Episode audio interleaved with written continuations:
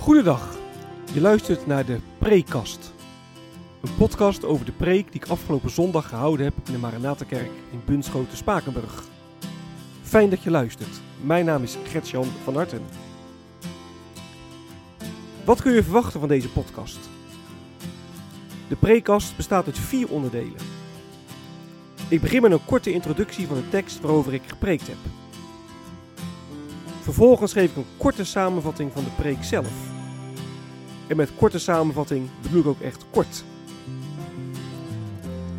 Tijdens mijn opleiding heb ik geleerd dat preken schrappen is. Niet alles wat je in de voorbereiding gevonden en bedacht hebt, kan terugkomen in de preek.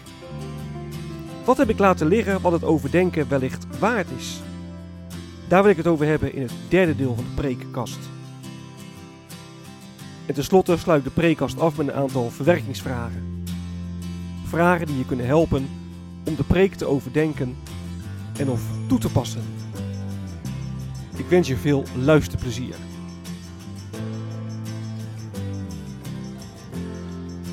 De tekst.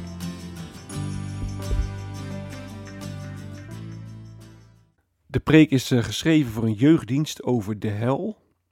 En ik heb uh, gelezen Lucas 16, vers 19 tot en met 31. En daar staat de gelijkenis van de uh, rijke man en de arme Lazarus. En Jezus vertelt dat er een, rijke man is die uitbundig feest viert. En voor de poort van zijn huis lag een, een bedelaar, Lazarus geheten, die honger leed. En de rijke man die, die hielp die arme Lazarus niet. En op een dag sterft uh, Lazarus en dan lees je dat hij um, door de engelen werd weggedragen om, om aan Abrahams hart te rusten, vers 22. He, hij mocht uh, naar de hemel toe. Nou, ook de rijke stierf werd begraven, maar toen hij in het dodenrijk zijn ogen opensloeg, toen zag hij in de vette Abraham met Lazarus aan zijn zijde, staat er in vers 23. Hij was uh, niet bij Lazarus, hij was op een andere plek in het dodenrijk waarin hij ontzettend veel pijn had. Ik lijkt pijn in deze vlammen, zegt hij.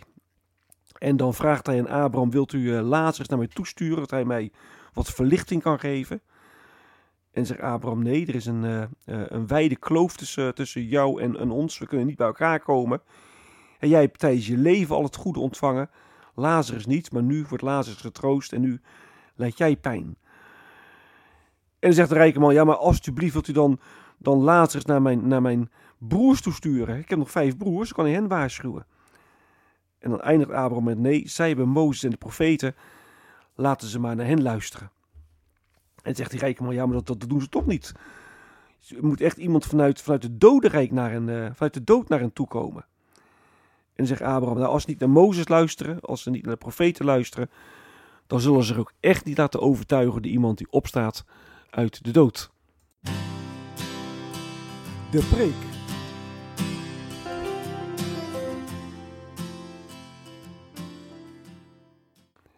What the hell? Dat was het thema van de jeugddienst. Als je mensen vraagt wat je nou, wat ze zeggen. What the hell? Dat was het thema van de jeugddienst. Als je mensen vraagt wat ze zich indenken, wat ze zich voorstellen bij de hel, dan krijg je vaak te horen dat mensen dan denken aan, aan vuur. de hel als een, als een plek waar altijd vuur brandt, een soort grote brandende oven. Een plek waar mensen echt heel veel lichamelijke pijn lijden. En dat zie je ook op schilderijen uit de middeleeuwen of vlak daarna. Denk bijvoorbeeld aan de schilderijen van de Jeroen Bos uit de 16e eeuw. Dan zie je duivels geschilderd die mensen in vlammen uh, pijn doen en, en, en, pijnigen. Maar is het geloof in de hel niet iets van, iets van vroeger? Iets waar mensen vroeger bang voor waren? Hè? Iets wat vroeger in de kerk geleerd werd om mensen uh, klein te houden. Om ervoor te zorgen dat mensen ja, bleven geloven. Kijk, vandaag hebben we het toch gelukkig niet meer over de hel. Want we weten nu toch dat God liefde is. Hè? Hij heeft ons geschapen. God houdt toch van ons? Ik heb, ik heb zelf drie kinderen. Daar hou ik met heel mijn hart van.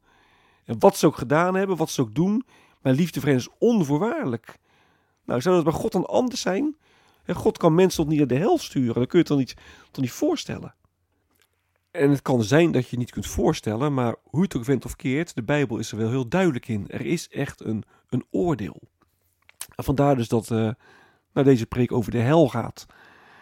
Wel met de nodige schroom, omdat ik ontzettend bang ben dat je mensen eh, eh, bang maakt voor God. Dat mensen gaan geloven uit, uit angst voor het oordeel. Nou, dat is wat het laatste wat ik wil. Je wilt mensen vol, vol blijdschap en vol dankbaarheid zich aan Christus overgeven. Je wilt niet hebben over het oordeel, maar over de, de redding van het oordeel. Nou, als je de Bijbel uh, leest, dan zul je het woord hel uh, te vergeefs zoeken. Het staat niet in de Bijbel, wel wat in oudere vertalingen. Vreemd genoeg ook in de Ziende Statenvertaling. Maar in de nieuwe Bijbelvertaling komt het woord hel niet voor. Nou, het woord hel komt uit de Noordse mythologie en staat voor de godin van, van de onderwereld, de godin van het dodenrijk. In het Grieks staat er Gehenna. vroeger werd Gehenna vertaald met hel. De nieuwe Bijbelvertaling laat gewoon het woord Gehenna staan. En Gehenna, dat betekent dal van Hinnom. En dat was een dal ten zuiden van Jeruzalem, waar in de tijd van koning Manasse kinderoffers waren gebracht. Het was een verontreinigde plek geworden. Een plek die mensen ja, zoveel mogelijk probeerden te, te, te, te, te mijden. Afval eh, uit de stad werd erheen gebracht en verbrand. Daar, kun je ook iets voorstellen bij het beeld van uh, daar waar het vuur nooit dooft. Hè, altijd werd afval verbrand. Er werden kadavers en lichaam van ter dood gebrachte misdadiger in het dal gegooid. En dan kun je ook iets me voorstellen bij als Jezus zegt, hè, in, de, in de Gehenna, in de hel, daar blijft de worm knagen. Ja, er liggen allemaal kadavers, er liggen lichamen. Die gaan allemaal tot ontbinding over. Nou, de Gehenna had een afschrikwekkende klank. Het spraken de mensen echt met afschuw over. En het werd langzaam maar zeker een symbool voor Gods oordeel, voor een plek van, van verdoemenis. En, die beeld, en het wordt in, in beelden beschreven, die moet je niet letterlijk nemen, die moet je symbolisch nemen. daar waar het vuur niet dooft, dat betekent is een eeuwig oordeel, er komt geen einde aan. Daar waar de wormen knagen, er is ontbinding, er is afbraak. Nou, er worden ook wel andere beelden gebruikt in de Bijbel. Hè. Het beeld van de, de, de duisternis, hè. geen uitzicht, tandengeknars, hè. zelfverwijt, haat. En daar sluit Jezus uh, bij aan in zijn uh, gelijkenis van de rijke man en de, de arme Lazarus. Nou, hoe moet je de hel dan, dan voorstellen? Ik zei al, um, je moet het niet letterlijk nemen. Het is, uh, zijn symbolische, het zijn beelden.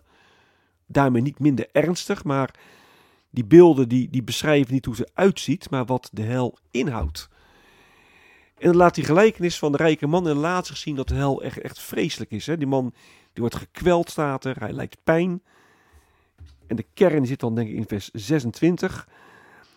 Als uh, um, er tegen hem gezegd wordt, er ligt een wijde kloof tussen ons en jullie, zodat wie van hier naar jullie wil gaan, dat niet kan. En ook niemand van jullie naar ons kan oversteken. Er is een kloof tussen de hemel en de hel. En die kloof is onoverbrugbaar. Nou, de hemel, dat is de plek waar, waar, waar God is. Dat is de plek waar, waar, waar het goed is. Daar is geen ruimte voor verdriet en pijn. En de hel, ja, het is tegenovergestelde. Daar leef je los van Gods liefde. Daar ben je ja, afgesneden van Gods goedheid. En dat, dat is het kenmerkende van de hel. En wat de hel? Nou, je bent overgeleefd aan jezelf. Totale eenzaamheid, Godverlatenheid. En dat is uh, vreselijk. Je, je leeft buiten de liefde van God om. Nou, wij ervaren dat niet altijd als een hel, leven zonder God. Hè, voor je gevoel kun je prima zonder God leven. En heb je God helemaal niet nodig voor een mooi leven. Maar de Bijbel zegt dat je bent geschapen om God te dienen, geschapen om met God te leven.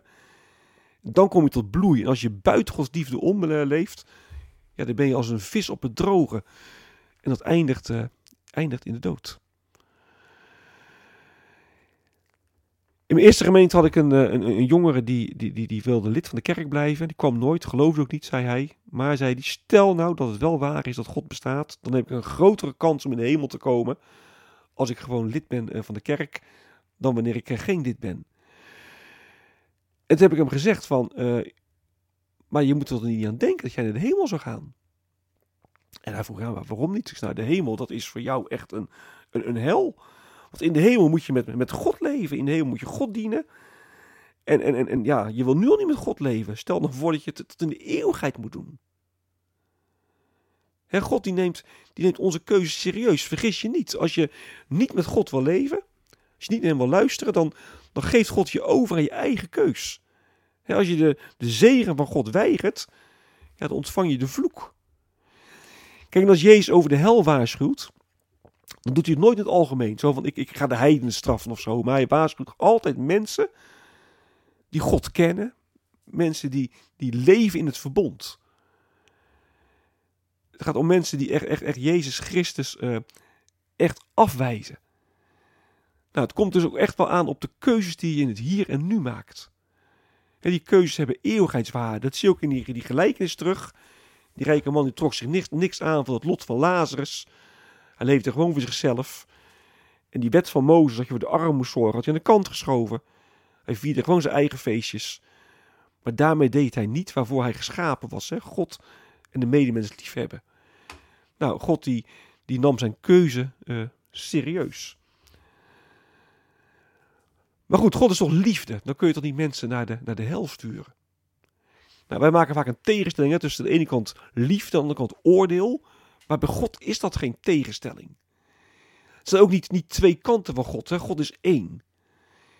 En het oordeel heeft echt ook alles met liefde te maken. En je kunt zeggen, het oordeel dat is eigenlijk Gods antwoord op, op, op afgewezen liefde. Kijk, God komt echt in liefde naar ons toe. Kijk naar Jezus. Die stierf de helse dood op Golgotha om, om ons bij God te brengen. En aan het kruis droeg hij het oordeel dat wij eigenlijk verdienen, om te voorkomen dat wij dat oordeel zouden moeten ondergaan. En dat is de blijde boodschap van de kerk. Jezus Christus. Hij wil je redden van het oordeel. Dus niet pas op, anders kom je in de hel, maar, kijk naar Jezus. En daarin mag je Gods liefde, Gods genade zien. Je mag leven in de kring van Gods liefde. En ik hoop echt dat, dat, je, dat, dat je, je hart mag raken. Je hart met een T en ook je hart met een D. Dat je Gods liefde mag zien, dat je vreugde in vindt. Maar ook dat je in beweging zet. Dat je steeds meer ja, gaat verlangen om uh, met God te leven. Nou, het thema was, hè, what the hell? En wat is dit? Waar gaat het hier over? Nou, het gaat om het evangelie van Jezus Christus, dat, dat vol liefde op ons afkomt. Nou, neem dat evangelie dankbaar en, en verwonderd aan. Wat is blijven liggen?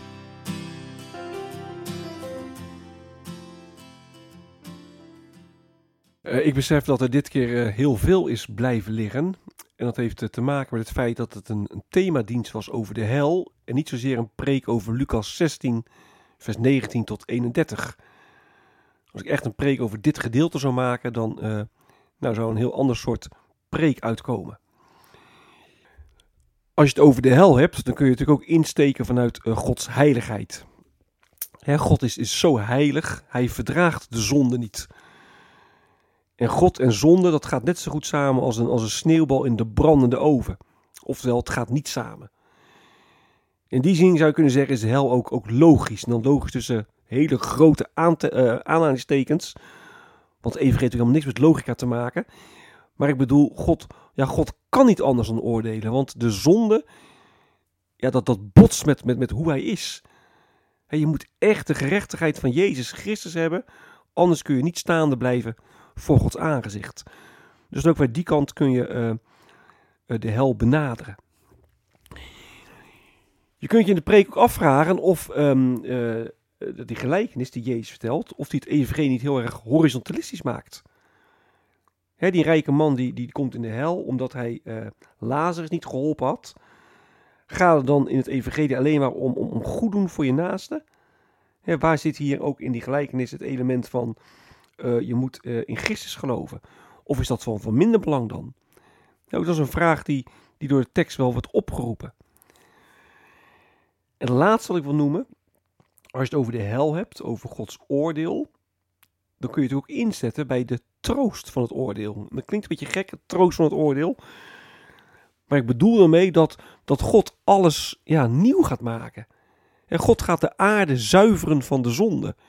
Er is zo ontzettend veel onrecht hier. En daders die komen daar heel vaak ook uh, gewoon mee weg. Die uh, kunnen dat allemaal strafloos doen, schijnbaar. Maar dan laat God in het eindoordeel zien: nee, je kunt maar niet strafloos mensen tekort doen, mensen marginaliseren, mensen kapot maken. Ik, ik ga in het eindoordeel alles rechtzetten. Ook dat kun je betrekken bij een, uh, bij een preek over, over de hel verwerkingsvragen.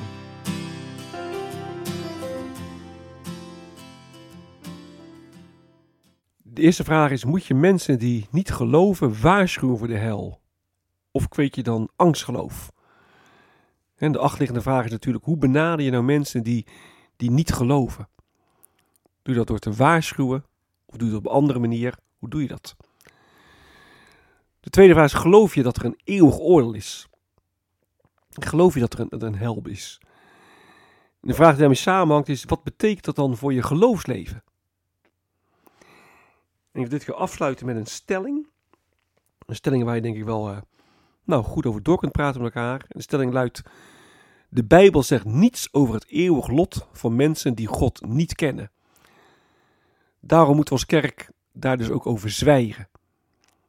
Als je het over de hel hebt, dan komt de vraag naar je toe: wie is Jezus voor mij? Dus als je over de hel hebt, moet je het hebben over allerlei mensen die, die wel of niet geloven. De vraag is: wie is Christus voor mij? Daarvoor heeft Jezus die, die waarschuwing gegeven. Nou, dat is een stelling waar je nogmaals, denk ik wel, uh, het nodig over uh, kunt bespreken met elkaar. De tekst.